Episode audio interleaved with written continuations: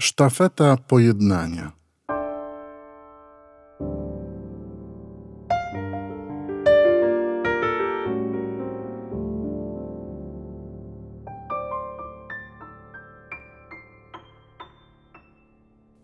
Najpierw na Świętej Górze posługiwało kilku księży diecezjalnych.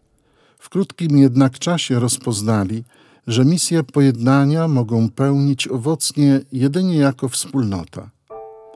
Po uznaniu przez Kościół objawienia w La Salette za prawdziwe, powstało Zgromadzenie Księży Misjonarzy Saletynów. Skończyła się misja dzieci i rozpoczęła się misja zgromadzenia. Oprócz misjonarzy Saletynów powstało Zgromadzenie Sióstr Saletynek, a obecnie są i świeccy Saletyni.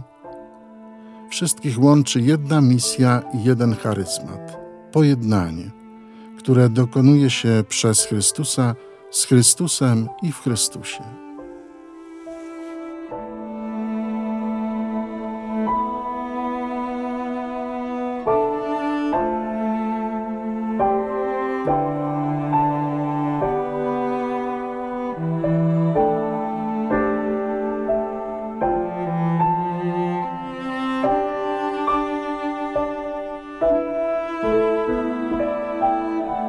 thank